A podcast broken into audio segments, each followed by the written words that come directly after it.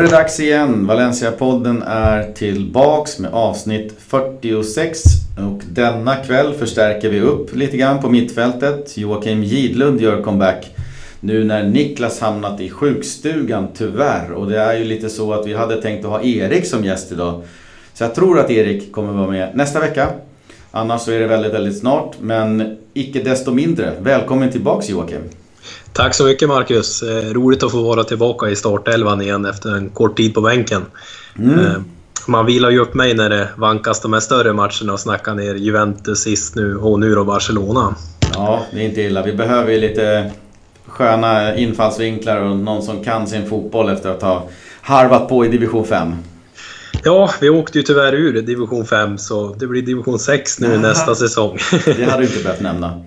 Nej, men nu vet ju alla vilken nivå jag ligger på i alla fall. Ja, vad härligt. Vi har en annan comeback här också tänkte vi. Vi börjar med att dundra av lite nyheter och sen så snackar vi ner eh, Valencia-Barcelona och så, så tar vi en liten eh, avslutning på slutet så får vi se hur detta formar sig till slut. Men vi kan väl ge oss in på nyheterna. Den stora nyheten har ju varit sen Barcelona-matchens elfte minut. Och det är ju Guedes eh, skada. Den ser inte ut att vara varken allvarlig eller långvarig. Efter att ha blivit lite undersökt under dagen efter match så kunde man konstatera att det är ja, någon, någon form av utdragen eh, ljumske eh, på vänster sida. Och att läkeperioden kanske är någonstans mellan 12 till 15 dagar om det går väl. Då. Det betyder ju faktiskt att han kan vara spelklar till nästa match mot Leganes. Jag tror att den är om just 12 dagar eller något sånt där. Skulle dock inte förvåna mig då om Marcelino gav Guedes lite ledigt från den matchen och kanske tog med honom i truppen mot Young Boys borta som är då tre dagar senare, om det är då 15 dagar senare. Och det var ju sköna nyheter eh, i all misär, för det såg ju inte bra ut. Nej, det gjorde ju inte det. Man tänkte ju där, nu är det någonting allvarligt. Eh, men som tur är eh, var det ju ljumsken som sagt. Så mm. att han, Förhoppningsvis är jag tillbaka mot Leganes, men jag ser ju hellre att man inte chansar utan att man har honom 100% till Champions League-matchen mot Young Boys som är en måste-match i gruppen, tycker jag. Ja, och när man såg skadan där så såg det ju...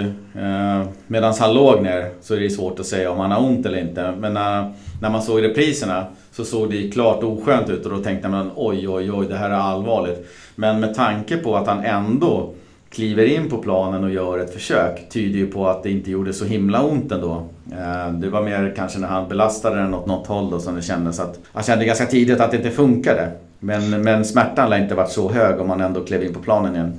Nej, eh, men det såg ju som du nämnde väldigt otäckt ut. Och man, jag tänkte ju först, alltså när jag såg det live, att fan nu, nu rök liksom korsbandet. Mm.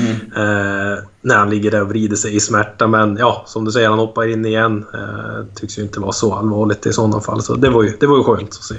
Vi får hoppas att eh, medicinmännen i Valencia har något bra recept för hur man blir av med det där på bästa sätt. Ja, här räcker nog inte kylsprayen tyvärr. Nej, det gör inte det. Nej, sen kan vi nämna som nästa grej att eh, kul återigen att det är många spelare som är iväg på landslagsuppdrag. Eh, kul på så sätt att de får vara med i landslaget, att Valencia gör någonting bra så att de kommer med. Sen är det lite tudelat med det här tajta spelschemat då. Om man kanske hade velat haft en viloperiod på de flesta. Men nu är Gaia och Rodrigo iväg med Spanien. Jag såg att Gaia fick någon minut. Nej, han fick starta idag tror jag inte med. Hade väl Morillo iväg med Colombia, Batshuayev för Belgien, Cheryshe för England, Kondogbia för Centralafrikanska republiken. Och sen hör och häpna.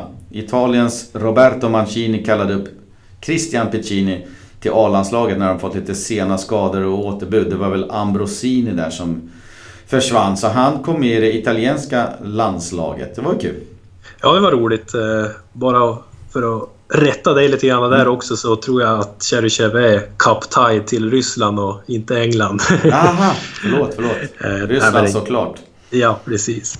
Nej, men jätteroligt, absolut. Och förvånansvärt såklart med Piccini. Eh, dock så tror jag inte att han kommer, kommer starta eller någon speltid överhuvudtaget när Florenze går nog före honom alla dagar i veckan.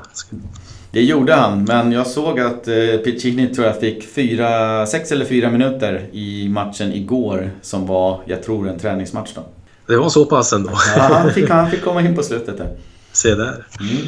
Eh, men också Kondogbia eh, hade ju tröttnat såklart på att inte bli uttagen i franska landslaget och blir väl absolut den största stjärnan i Centralafrikanska republiken som annars är ett väldigt tafatt lag. Jag kan ju inte säga att jag kan någon annan spelare där i landslaget. Jag tror att den näst kändaste spelaren är väl Kondogbias eh, nästan till okända brorsa som jag vet har huserat där tidigare. Jag vet inte om han är kvar.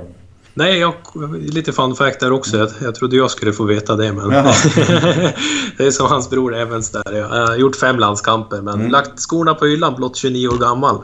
Ja, jag tror aldrig han fick någon större karriär, men eh, den, den räckte i alla fall för att vara med i Centralafrikanska republikens landslag. Ja, han var väl och harva i någon C, Serie C-klubb i Italien och någon, ja, division 3 där i Spanien. Och... Ja, så det är kul. De är iväg. Eh, Gaia skulle starta ikväll såg jag och Rodrigo på bänken till fördel för den stekhete Paco Alcacer. Och Morata för den delen som spelar där fram. Sen hade vi i övrigt hade vi Racic eh, var iväg. Eh, vi har Soler ute på U21-uppdrag. Ferran Torres och Hugo, Hugo Guillamon. Som förvisso inte spelar i A-laget. Varken han eller Racic. Eh, de, eh, Torres och Guillamon är iväg med U19. Och sen har vi Jordi Escobar och José David Menerges eh, iväg med U17. Där Menerges gör debut som back.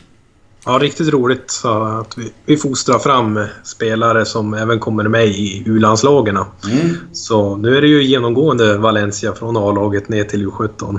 Ja, exakt. Och det, det, är kul att det he, hela tiden finns lite nya. Den, för mig eh, som inte följer det här super, super eh, nära så är den här eh, José David Menerges eh, en ny person. Jag vet att Guillamon och Torres och Escobar har ju funnits med Eh, tidigare eh, i, i landslagen där. Så att, eh, det är kul att se att akademin fostrar upp spelare som är landslagsmässiga. Ja, men jätteroligt. Det är samma för mig också. José David Menerges har inte alls någon koll på honom där, men de andra namnen har ju florerat en del. Ja, jag vet att han Escobar gjorde bland annat lite minuter på den Trofeo de la Naranja som var eh, sista träningsmatchen då. Precis. Så han har ju ändå figurerat. Däremot så vet jag att han och Guillamon var med i det U17-landslaget som eh, gjorde så bra ifrån sig på VM i Indien här. Men där har ju Guillamon gått vidare till U19 medan Escobar då fortsätter i U17. Det kan ju ha med ålder att göra också. Eh, nästa grej är att Valencia faktiskt har knutit till sig en ny sponsor nu bara för eh, 100-årsjubileet 2019. Eh, Energia Valencianista är ombord och presenterades under matchen mot Barcelona. Och det är alltid bra med nya pengar in och dessutom när det handlar om ett bolag som erbjuder förnybar energi och jobbar lite med att reducera elförbrukning och ta hand om naturen och sånt där. Valencia har de senaste åren legat ungefär på 16 miljoner euro in i reklamintäkter. Och det kan jämföras med Atletico då som är, Valencia där är fyra i, i Spanien då, men Atletico är trea på 50 och sen har vi ju giganterna eh, Barca och Real på runt 250 miljoner in i olika typer av reklamintäkter. Eh, Så att välkommet samarbete, välkomna pengar in. Eh, har ingen aning hur mycket det är men skulle väl från höften gissa på kanske en miljon eller något liknande. Ja, alla pengar in är ju bra pengar. Eh, men som sagt, vi är ju väldigt långt ifrån de här giganterna Atletico och mm. framförallt Barca och Real. Men som sagt, eh, vi fortsätter råda upp eh, Champions League-spel så går det lättare att knyta åt sig fler sponsorer. Och det, det, spelar ju som sagt ingen roll hur många sponsorer man har, tycker jag. Så länge man inte broderar ut tröjan alla Elfsborg eller liknande. precis. Nej, så är det. Och, och, om jag har förstått hela rätt så har vi våra tröj och matchdräktssponsorer i form av eh, RSS Derma och Alfa Romeo, eh, Blue och det är väl någon till där då. Energia Valencianista, de kliver in på planet nedanför. Jag vet inte exakt vilken exponering de får då, men jag kan tänka mig lite arenaexponering och lite annat. Eh, så att det blir ingen matchdräktssponsor om jag har tolkat hela rätt. Nej, det får väl florera på reklamskyltarna på Mestalla istället. Det är lika bra, men eh, kul att de är ombord. Sen har vi väl eh, våndats lite om vi ska eller om vi inte ska. Men jag tror att vi, vi sätter en karatekick in i dörren för transferfönstret nu. Nu eh, är det lite dåligt med nyheter i Valencia-pressen och då börjar man damma av eh, vintertransferrykten. Så vi, ja, men det är alltid roligt. Vi gör likadant. Det är en två och en halv månader bort egentligen. Dessutom så har ju Valencia då Valencia scouter med Pablo Longoria i spetsen. Eh, inget annat i sikte då. De jobbar ju mycket före fönstren. Det är ju svårt att börja rodda runt när fönstret är öppet. Så att arbete pågår och det scoutas för fullt under hela hösten för att eventuellt, eventuellt ta in lite förstärkningar i januari. Superdeporter rapporterar nu att man siktat in sig på en 18-åring från Boca Juniors, en mittfältare vid namn Agustin Almendra. Eh, har inte gjort jättemånga framträdanden där då, men enligt uppgift i tidningen är Valencia beredda att slå till ganska snabbt eh, och gärna före U sydamerikanska U20-mästerskapen i januari. Jag tror de går i Chile.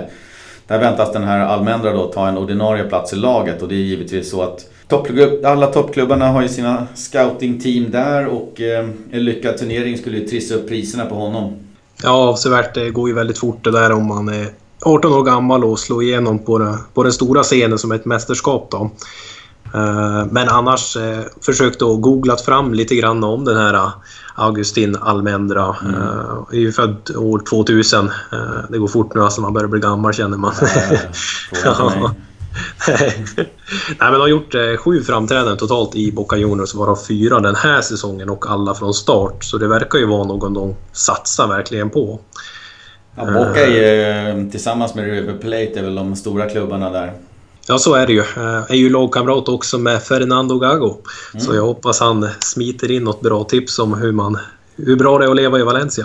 Ja, precis. Dessutom så har ju den här uh, Almendra uh, då figurerat i argentinska U17. Undrar om inte han nu är uppe på U19 eller U21 och U17 rattas ju av Pablo Aymar.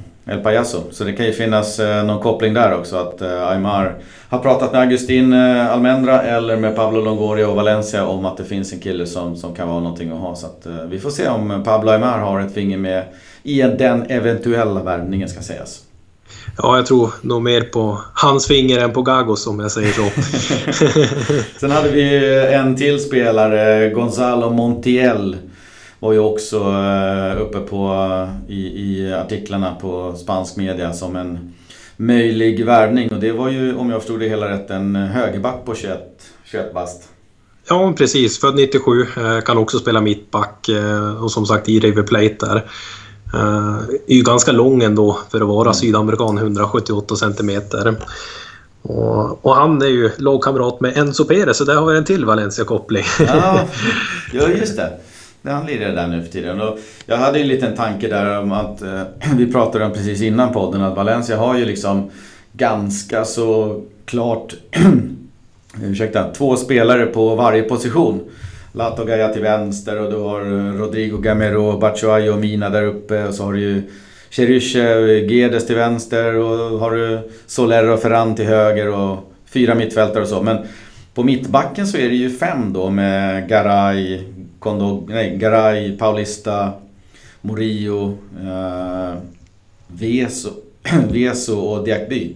Och då är frågan, vi har bara en högerback så att det kanske kan vara på väg in en, en högerback då. Eh, Veso har ju någon hängroll mellan högerback och mittback så han spelar där det platsar liksom. Så att, ja, vi får se. Helt omöjligt är väl inte att man kollar ut någon backup till Piccini. Nej, nej, men det är som sagt det behövs ju och att han får lite mer konkurrens där också mm. på högerbacken än eh, mot Veso där då. Eh, för vi har ju ändå, ifall det skulle behövas en femte mittback så ser jag ju hellre att man plockar upp någon från, från ungdomsleden. Ja, men Xavi Jimenez till exempel som har varit uppe någon gång och mm. suttit på bänk och har väl spelat en eller två matcher också i mm. någon Copa. Men eh, ja, nej, men absolut, vi behöver ju ha in en högerback. Det är väl högsta prioritet i januari. Ja, min känsla är ju inte att eh, uh, Ruben Veso är någon renodlad uh, högerback utan det är mer en uh, nödlösning till uh, Montoya förra året och nu Piccini i år när det inte har känts riktigt rätt att, att matcha honom i no några tuffa matcher. Så ja, vi får se. Vi får hålla ögonen på Gonzalo Montiel och uh, Agustin Almendra för att se om det händer någonting. Men de namnen är väl de som ligger på tapeten just nu. Vi eh, gör väl så att vi slår, sätter tänderna i Valencia-Barcelona efter den eh, lilla, lilla gingen. Absolut. Valencia-Barcelona, stormatch på Mestalla slutade 1-1 efter Garay och Messi varsitt mål. Vi hade expected goals för, en, för er som gillar det. 1,42 till Valencia och 0,37 till Barcelona. Så enligt den statistiken skulle Valencia ha vunnit med ja, 1,05 mål då. Men i alla fall ett mål. Eh, så blev det inte. Det blev ett kryss till slut. Eh, Garay påpassligt framme, gjorde 1-0 på hörna. Vi hade Messi som kvitterade briljant som bara egentligen han kan göra. I övrigt så var väl matchbilden ganska statisk tycker jag. Eh, Barca rullade boll i evigheter. Valencia försökte ställa om och låna boll vid tillfälle.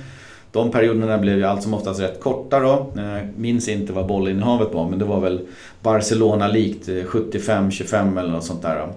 Valencias defensiv måste ju ändå, tycker jag, lyftas fram som gör en mycket solid insats mot ett av världens eh, vassaste anfall medan vårt eget anfall hackar lite. Vad tyckte du om matchen?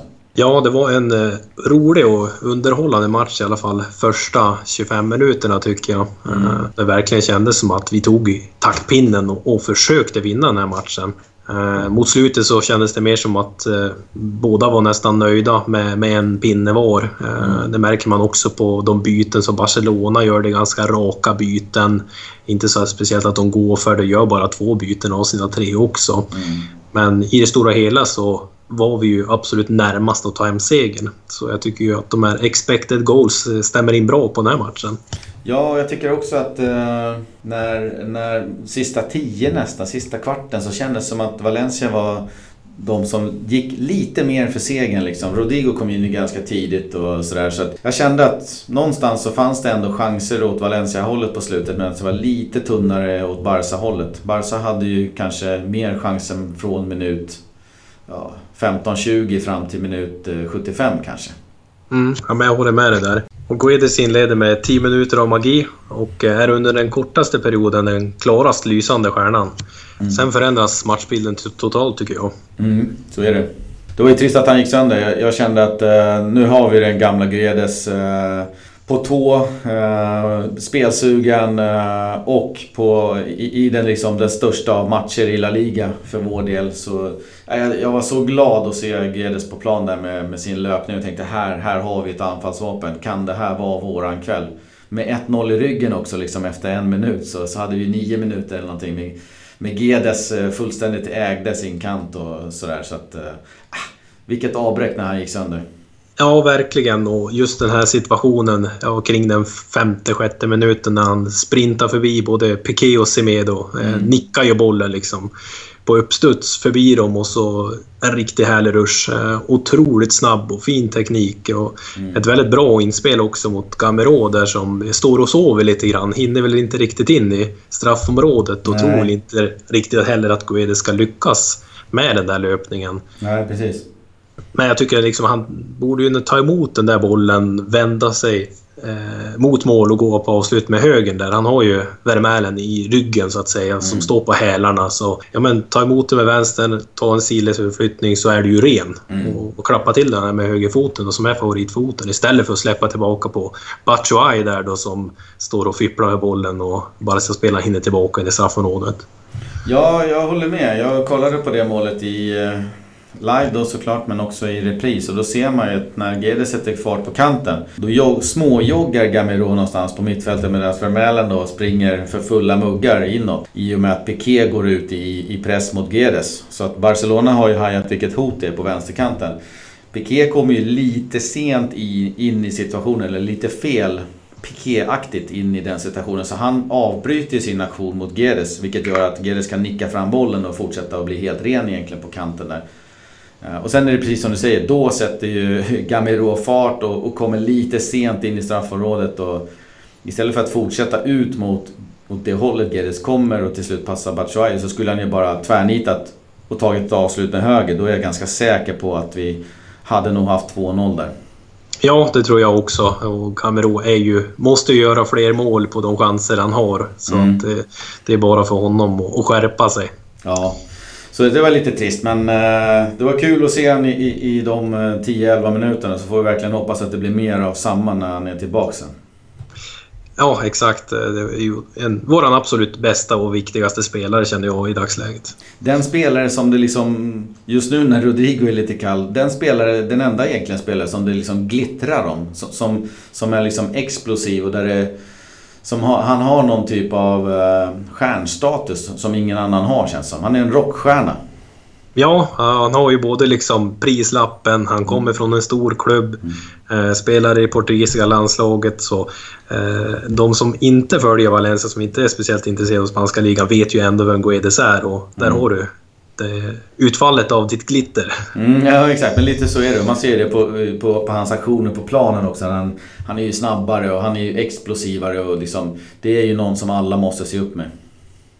Ja, det är ju en kommande storstjärna, mm. absolut. Eh, väntan startelva utöver att Rodrigo petades eller vilades. Eh, mm. hur var det med det egentligen? Jag vet inte. Det var ju snack om, eh, om Rodrigo. Han fick ju... Först eh, vart han ju petad mot, var det Sociedad, matchen innan eh, segern där. Mm. Då startade han ju på bänken och då tänkte man att den var så nära in på eh, United-matchen så att han roterades liksom. Uh, och då fick han ju starta mot United som man tänkte att ah, men var ingen som reagerade. Men nu var det lite reaktioner här att varför petades Rodrigo eller vilades han med tanke på att han troligtvis ska spela två landskamper också. Uh, ska vi inte lägga allt för mycket vikt i det kanske men man kan ju fundera över om han var petad eller roterad. Uh, han hade säkerligen själv velat spela mot Barca, så mycket kan jag säga. Ja, ja, vi ska ju såklart inte ta hänsyn till att det är några kommande landskamper på gång utan Nej. vi måste ju tänka ur Valencias bästa och därför blev jag också förvånad. Varför startar han inte? Mm. Nej, så var det verkligen. Eh, och jag vet inte. Marcelino har väl kanske den stora hatten på och tänker att det, det blir oerhört intensivt för Rodrigo. Uh, han, han sticker iväg nu. Jag såg att han inte fick starta ikväll mot, uh, var det Wales va? Ja, exakt. Uh, och det är ju i sådana fall bra då. Men så får vi se om man får starta nästa match som var Uefa Nations League-matchen som är mot England hemma. Så vi får se där. Men jag tycker ändå inte, precis som du är inne på, jag vet inte om Marcelino ska behöva ta höjd för sånt. Men å andra sidan, det kanske han behöver för att en, en, en uttröttad Rodrigo kommer ju sen tillbaks till Valencia och det var, ja, det var märkligt. Jag hade ja, absolut inte trott att han skulle vara utanför. Det var nog den första spelaren jag hade ritat ner. ja, det är ju så två, tvådelat det där liksom. Ska man vila han för att man vet att han kommer spela och komma tillbaka utsliten? Mm. Eller vad är det som eh, står på så att säga? Eh, såg nu också i just nu att Paco Alcácer som är glödet har gjort två mål mot Wales. De leder ju med 3-0 där. Det är på något sätt lite kul att han har hittat en ny vår där. Eh, och det är kul att han gör det i en annan tröja än Barcelonas. Ja, det glädjer mig att det inte påverkar oss i alla fall. Ja. Sen hade vi väl, eh, om vi ska hissa och dissa lite folk, kan vi utnämna Garay, Soler och Kondogbia till eh, matchens främsta?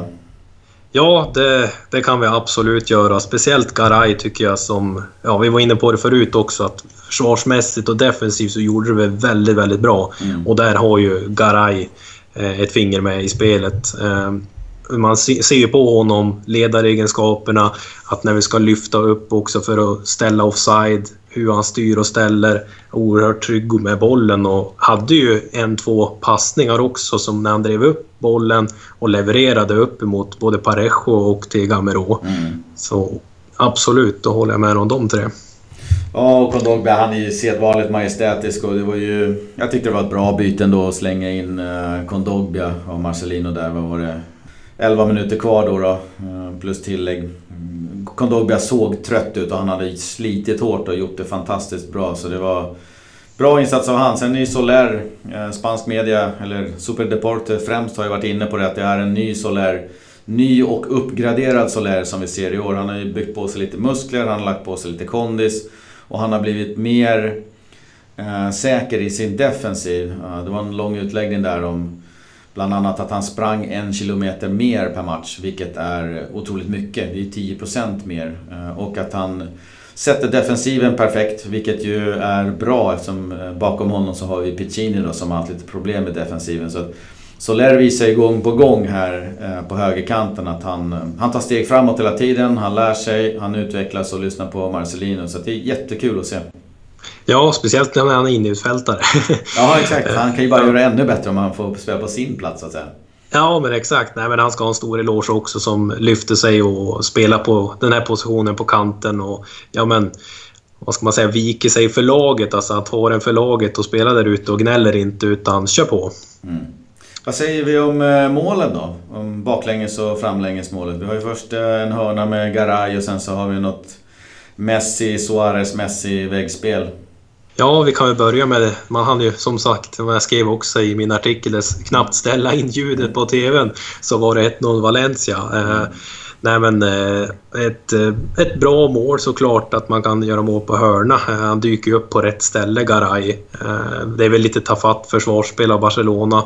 Det är ju Busquets som markerar Garay men följer inte med honom. Mm. Och Piqué som duckar när bollen kommer, men det är väl mycket för att han tror att Vermellen ska ta bort den där. Mm. Sen har du ju även Suarez mitt emellan dem också, som är med och stör Piqué. Så nej, men det var ju ett härligt mål i alla fall och Mestalla exploderade ju verkligen. Ja, vad kul att se. Jag fick för mig att det var Garays första mål någonsin. Jag får mig att någon skrev det och det är ju alltid kul. Det var så pass alltså? Mm. Alltså i Valencia-tröjan. Ja, jo, jo. Mm. Men sen hade vi väl eh, Messis mål. Eh, jag kollade på den i repris också. Jag, jag, vet inte. Eh, så avslutet, sista touchen är ju fantastisk. Eh, går man tillbaks till andra touchen från, från Suarez, också fantastisk. Han kalibrerar den touchen perfekt. Men, men, går, man fram, går man ännu mer bak till när Messi driver fram bollen så är det ju faktiskt så att han driver bollen mot Parejo och mot Kondogbia. Så han driver den ju mot två spelare. Och gör någon liten Messi magisk trippa fram i hög hastighet. Parejo ser eh, tafatt ut. Eh, Messi tunnlar Kondogbia. Eh, och så går han emellan de två. Ja, så han tunnlar ju passen till Suarez och går emellan. Så det är väl lite där jag känner att det kunde ha gjort bättre. Jag vet inte, om de är livrädda för att Messi ska gå ner och ta en frispark. Eh, men Parejo ser vek ut, eh, Kondogbia släpper till en tunnel eh, och sen så bara springer han rakt igenom dem och, och sätter den ju i någon millimeter från stolpen. Så. Ja, men det är, som, det är ju så typiskt Messi. Han är ju från en annan planet. Mm. Eh, det är, det är bara han som kan göra det här mm. i mina ögon. Inte ens Ronaldo. Men lite som jag skrev också i artikeln. Det är lite tafatt utav både Kondogbia och Parejo. Men det är både och. Ska man gå på honom och bli bortgjord? Mm. Eller ska man vänta ut honom och bli tunnlad? Det är liksom de alternativen mm. nästan som Kondogbia står inför där. Eh, och sen hur han bara smiter emellan liksom. Han blir som gelé när han kliv, kliver emellan både Parejo och Kondogbia och avslutet det är ju perfektion. Neto ja. har ju ingen chans att ta den bollen. Det är bara att lyfta på hatten. Ja, tyvärr. Och vad vore en podd utan ett litet, litet inspel från eh, sjukstugan som Niklas sitter i? Jag frågade om han hade någonting han ville hälsa på den och det hade han ju såklart. Han tyckte då för det första att det var lite tragiskt eh, faktum att både krysset på Old Trafford och, krysset mot Barcelona benämndes lite grann som att inom citationstecken United fick bara kryss mot Valencia och inom citationstecken Barcelona tappade poäng på Mestalla när det de facto var såväl United som Barcelona som ska vara mest nöjda med en poäng. Och där kan man ju kolla då till exempel på expected goals som, som Valencia vann klart mot Barcelona. Mm. Och för andra så vill han egentligen då... Eller för andra vill han hälsa att eh, han är lite statistiknörd. Eh, och han har kikat på att eh, expected points då, då, Valencia har fyra poäng mindre än vad man borde haft baserat på de chanser och de parametrar som expected-tabellerna baseras på. Det är ändå något positivt att ta med sig och det brukar ju faktiskt jämna ut sig över tiden. Och kikar man på topplagen så har till exempel flera andra lag mer poäng än vad statik, statistiken eh, säger att de förtjänar. Alaves, Valladolid, Sevilla med mera. Och som en sista grej. Eh, Gamero har underpresterat mest. Han borde enligt expected goals och expected assists ha gjort fyra mål och tre assist. Och det tyder ju också på att det snart kommer lossna för honom, förhoppningsvis, eh, i och med att han tar sig till lägena. Det var väl det Niklas ville flika in till den matchen och jag kan bara hålla med. Expected goals säger ju aldrig liksom någon sanning. Men samtidigt så är det en fingervisning om eh, hur målchanserna fördelar sig över matchen. Och där hade Valencia betydligt fler målchanser än Barcelona. Ja, precis så. Det är ju lätt att man stirrar sig blind på bollinnehav. Ja, vi får låna bollen ibland och Eh, men det är ju faktiskt Valencia som skapar de största målchanserna. Mm. Eh, man kan ju ta till aspekt till exempel den här chansen när Coutinho är nästan helt ren mm. och Kaja eh, kommer till undsättning och får bort bollen därifrån. Det är ju inget det är ingen målchans. Han har ju inte tagit avslutet utan det, den räknas ju inte och då kan ju matchbilden bli lite skev om man tycker att nej men jag tycker att Barcelona borde ha vunnit för de hade mer boll. Nej, och precis. Och tar han det avslutet och Neto räddar, då är ju expected goals annorlunda. Då får ju eller Barcelona ett, ett högre värde i och med att han skulle ha fått det avslutet som var väldigt nära. Nu gör ju Gaia en fantastisk brytning. Eh, så, så det var jättekul att se att han kan ta den och att inte Coutinho går i backen liksom som en död fågel utan han stod ju upp och undrade vad fan var det som hände nu liksom. Ja, det var ju tur att det, det inte var så Harris där. Ja, precis.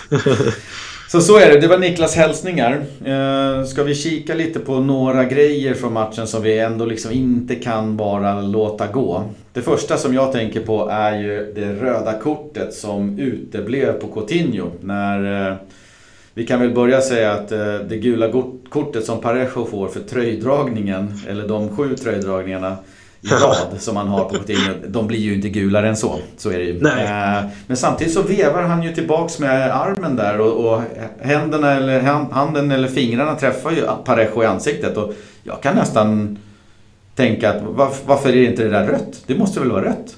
Ja, Ett slag det, det, är rött tycker jag. Eh, det är som, han, han slår ju inte en gång, han slår ju två gånger. Mm. Är han, ju, han vevar ju med armen bak, liksom, försöker få bort Parejo såklart och det är ju av ren frustration. Mm. Men eh, man Förstår. har ändå ansvar över sina armar och händer. Mm. Så det är två slag som man tilldelas varav den andra är väl ja, den som träffar hårdast och, och, och rätt i ansiktet så att säga. Så det är ju rött kort alla dagar i veckan. Eh, men som sagt, man förstår ju Coutinhos reaktion ändå. Mm. Eh, men det är ju det är ändå rött. Ja, och, ska man försöka liksom se från... Man ska försöka fundera på vad domaren tänker här. Så tror jag att det röda kortet uteblev. För att jag tror att det, det är ju som sagt det är fingrarna som träffar Parejo. Eh, och att folk har filmat de här situationerna när det inte har träffat. Det har ju hänt. Mm. Så jag vet inte om domaren har svårt att se exakt hur mycket och om Coutinho träffar. Eh, men, men, men ser domaren att den, liksom, handen träffar den som en lavett, som, som mm. den egentligen gör då. Eh, ja, då är, då är det såklart rätt i min bok. Alltså det är ett slag mot ansiktet och, och det hör inte hemma på fotbollsplanen. Så att, eh, Sett på reprisen så skulle det i, enligt mig ha varit ett solklart rött. Men det är frågan vad domaren ser. Ja, och som sagt i de här lägena de får använda VAR också. När det är klara röda kort. Ja, direkta röda kort eh, får de använda vi och, och ja, ja, jag håller nog med. Det ja. skulle nog ha varit så här alltså. Ja, men det är som jag säger. Visst, eh, Parejo drar ju alla textiler han har på kroppen. Mm. Men det, det, är ju ett slag i ansiktet två gånger. Det är ett såklart rött kort direkt, tycker jag. Ja, ja, vi får se. Vi får se om domarna är med oss nästa gång. Jag, Niklas har varit inne lite grann på att det är, lite, lite uppförsbacke med domarna i år och Valencia. Så här är ytterligare en sån här grej som man börjar fundera på. Vad, vad är det som händer liksom? Men ja, ja. Det blir gult till båda. Ja, någonting som vi hade domarna med oss eh, i alla fall, det var mm. väl straffsituationen. Eh, mm. När Gaia kommer in helt fel mot Suarez. Hur såg du situationen? Eh, ja, eh, jag kan väl börja med att säga att jag eh, är lite kluven i om det är straff eller inte och hur mycket kontakt det är. Jag, vad, vad jag kan se när jag har kollat reprisen, vevat den fram och tillbaks, så, så är jag eh, inne på att det är kontakt. Jag tycker att de är på varann. Eh, Suarez är på väg eh, mot mål, Gaia kommer in lite snett från kanten och hela, hela situationen känns vårdslös på något sätt. Det är ingen regelrätt klassisk kapning där man drar benen på honom. Men han är ju på eh, Suarez i bakhasorna. Så jag menar, hade det varit Gedes som kom i den situationen och Piqué hade gjort sådär på Gedes. Då hade ju jag varit solklar i bedömningen att det var straff. Så kanske ska man vara det här också. Men eh, ja jag hade blivit ledsen om domaren blåste straff men jag kanske inte hade protesterat om jag hade försökt kolla med nyktra ögon. Nej, just där och då hade man väl såklart protesterat om det hade mm. blivit straff. Men med, med, lite distans till det hela, om man ska försöka vara lite objektiv man kan. Eh, så absolut, han kunde ha blåst straff och Gaia blir ju väldigt bolltittande just i den här situationen. Man ser det på reprisbilden också när de filmas framför, framifrån. Mm. Eh, att han kollar ju bara på bollen. Men sen kommer också Paulista eh, in i den här situationen också. Så jag tror ju att om Gaia inte hade plockat ner Suarez så hade nog Paulista hunnit med och rensa bort den här bollen. Mm. Jag är ganska övertygad om, eh, eller jag utgår ifrån också, att eh, den situationen var under eh, VAR en kort stund. Men det är som vi har sagt tidigare, att om domaren har valt liksom på planen att döma inte straff, då ska det vara liksom, det beslutet ska vara jätte, jättefel för att VAR ska kliva in och säga nej. Det Mm. här är nog straff. Så att de var nog också lite så här, ja det kanske är straff men det är inte tillräckligt fel för att, den är inte tillräckligt solklar för att kliva in här och då väljer man att inte kliva in. Så att, eh, jag tror att det var så det var eh, i det fallet. Jo, det är ju en typisk bedömningsfråga eh, i de här fallen. Vissa domare hade blåst straff direkt, vissa blåser inte alls straff. Mm. Så är det. Så är det. Och Marcelinos byten där Rodrigo får 23 minuter, eh, kommer in och får luftas efter sin tid på bänken. Eh, Coquelin kommer in, får 11 minuter istället för Kondogbia. Vad tycker du om det? Bytena tycker jag är ju, när, när Gedes går ut så kommer ju Cheryshev in. Eh, ganska så såklart eh, alternativ då. Eh, jag tycker att eh, Rodrigo får komma in och får ändå relativt många minuter så det är ju bra. Jag hade ju helst sett att han fick 90. Men i det här fallet så får han 23, uträttar ingenting. Egentligen är den samma halvt som halvt kalla Rodrigo. Så att Bytet i sig är det inget fel på. Det är trist att inte Rodrigo får ut mer av de 23 minuterna än han får. Coquelin mot Kondogbia var vi inne på. Det är eh, så- klockrent byte. Kondogbia var trött, hade gjort en heroisk insats. Eh, Coquelin kom in och, och erbjöd mer av samma. I samma typsnitt på de två. Sen har vi ju Cherysha då. Det är ju ett eh, klart nedköp från eh, Gedes. Eh, I en perfekt värld så, så köper vi in eh, fyra Gedes. Har vi en på varje kant och så två på bänken. Men eh, Valencia har ju knappt råd med en Gedes utan det är ju snarare så att det är PSGs ofattbart givmilda försäljningsstrategi som gör att Gedes ens spelar i Valencia idag. Eh, Så det är ju kul att, eh, att, att det är så. Det vi däremot har råd med det är ju en eh, Cheryshev för, vad kan det vara, 10 miljoner euro. Han gör väl det okej, han blandar och ger. Han, han är precis som han alltid har varit i Valencia i den här gången han har varit i den här säsongen. Så är han ju väldigt delaktig. Han är väldigt... Eh, eh, han är där på, på, på många anfall, han är delaktig, han har mycket boll. Han gör en hel del rätt men han gör också en eh, hel del och kanske lite fler saker fel den här gången när han tar lite fel beslut och sådär. Så att bytet i sig är ingenting att säga om. Man önskar ju att vi kanske hade en, en kanske lite mer högkvalitativ spelare där men det är det vi har råd med nu. Och ur den aspekten så, så kanske Cheryshev är helt okej eh, men han kan göra bättre ifrån sig än vad han gjorde mot Barcelona. Ja, det håller jag med om. Dock så hade han ju den där äh, situationen med sin yttersida när han Just drog det. bollen. Ja, var det en, en meter över dock, men man fick lite så här VM-vibbar, i alla fall jag, Mm. precis i skottögonblicket. För jag såg ju verkligen att nu drar han med yttersidan. så man Ja. hade höll i tummarna att det skulle segla in i krysset likt mot Saudiarabien i VM, men nej, det ville sig inte riktigt för honom den här gången. Nej, det är han och Kareshma som har de där äh, fina, fina yttersidorna. Ja, precis. De är båda lika vänsterfotade tror jag också. Sen hade vi ju en till situation med Cheryshev just om vi ska prata om honom. Eh, det kom ett inspel och han eh, får ta avslutet eh, relativt ren, typ två meter från mållinjen och han drar den då rakt mot mål. Och den hade gått in om inte en back står där. Så det är ju en förklaring till att Valencia gick så bra på expected goals för att den, det avslutet är så pass nära mål. Eh, Men han lyckas inte sätta den, det står en back emellan. Tyvärr, Ja, tyvärr. precis. Jag tror det är Piqué som står däremellan när han får inspel från Gamero. Men det följs ju också upp ifrån en ganska farlig målchans. Det är väl Gaia som kommer där Mm. eh, med ett skott med vänstern då som också Ja, går det. utanför. Ja, han trycker till den precis efter. Så att... Tyvärr. Men då så, då har vi hållit på en bra stund med den här matchen så vi tar väl och rundar av lite här efter eh, jingeln. Absolut. Sådär, då hade vi inte mycket kvar av denna podd men vi tänkte att vi kanske skulle kika lite grann på spelschemat som kommer. Vi har ju 18... Den 20 oktober drar det igång igen. Då är det Valencia-Leganes. Och efter det så har vi fem matcher på 18 dagar så det är ganska hektiskt. Leganes hemma först, sen har vi Young Boys borta i Champions League. Athletic Club de Bilbao borta i La Liga. Eh, Girona hemma. Och sen är det Valencia Young Boys igen då. Eh, Champions League-gruppen vänder ju där. Så det är fem stycken eh, överkomliga matcher skulle jag vilja säga eh, på 18 dagar. Vad tycker du? Ja, på förhand så ska vi säga att det är tre poäng i samtliga. Rakt av. Ja, rakt av. Tyvärr är det inte lika lätt att säga som att göra. Men, mm.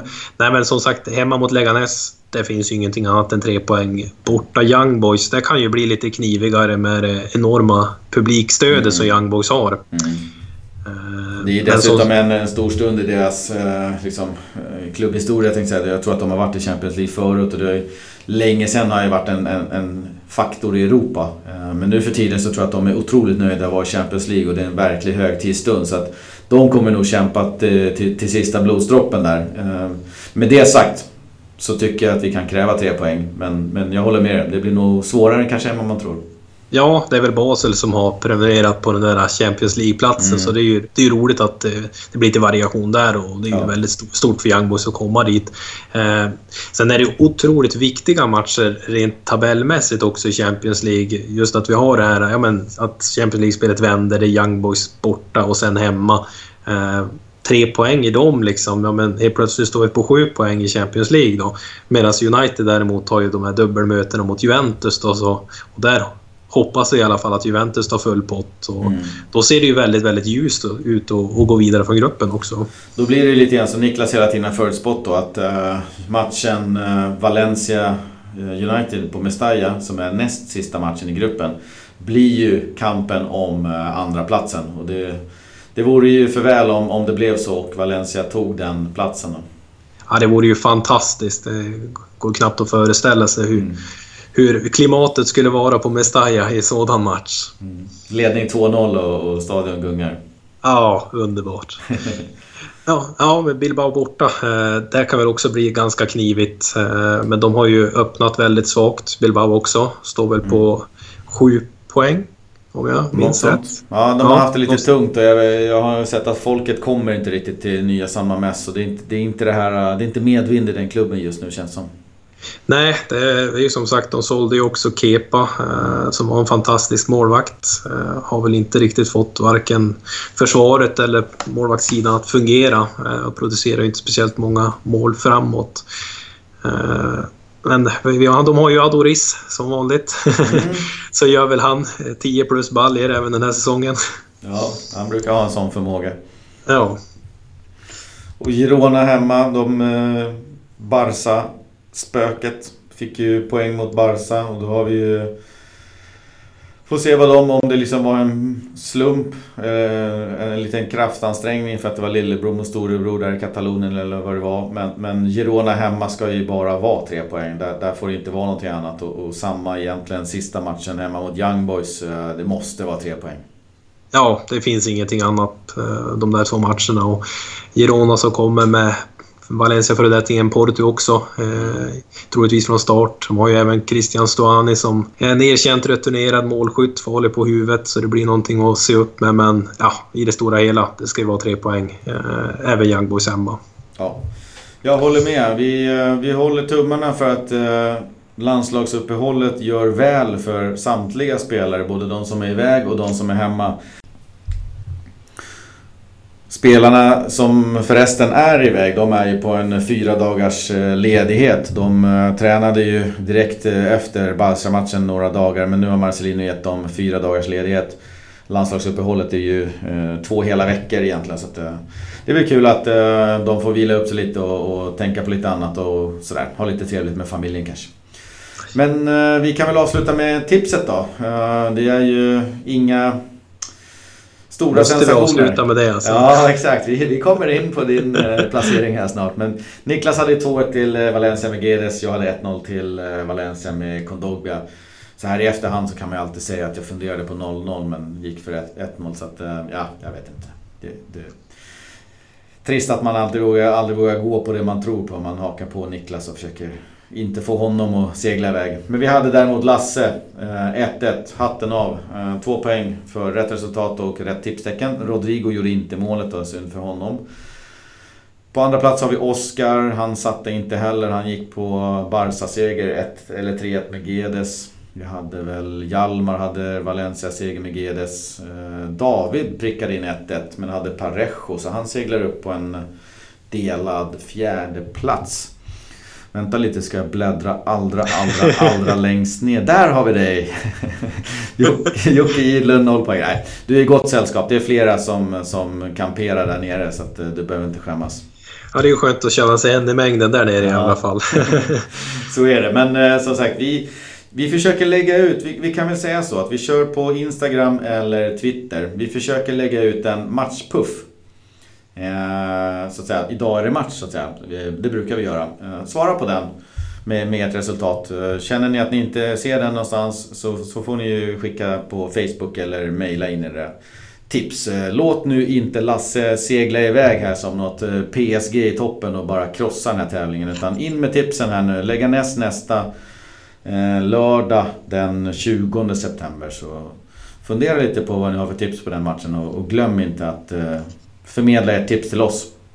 Ja, man har ju gott om tid då för analysera och veta vad man ska ta till den matchen med, med det här landslagsuppehållet. Ja, precis. Då vet man vilka som är heta och vilka som ska göra mål och vems formkurva som pekar uppåt och så vidare. Ja, precis. Eh, jag tror jag avvaktar Lasses tips och tar rygg på honom. Ja, precis. De är officiella allihopa så du bara kolla vad Lasse tippar. Nu kommer han att tippa en minut innan match bara för det. Ja, eller så drar vi en anonymt mail istället så ja, han hör det här. Så är det, men eh, jättekul att så många är med. Jag tror att vi är uppe i 20-22 pers som är med och, och tippar lite halvregelbundet, så det är jättekul. Och sen så tar vi väl och rundar av som vanligt med ett uh, hasta luego. Hasta luego.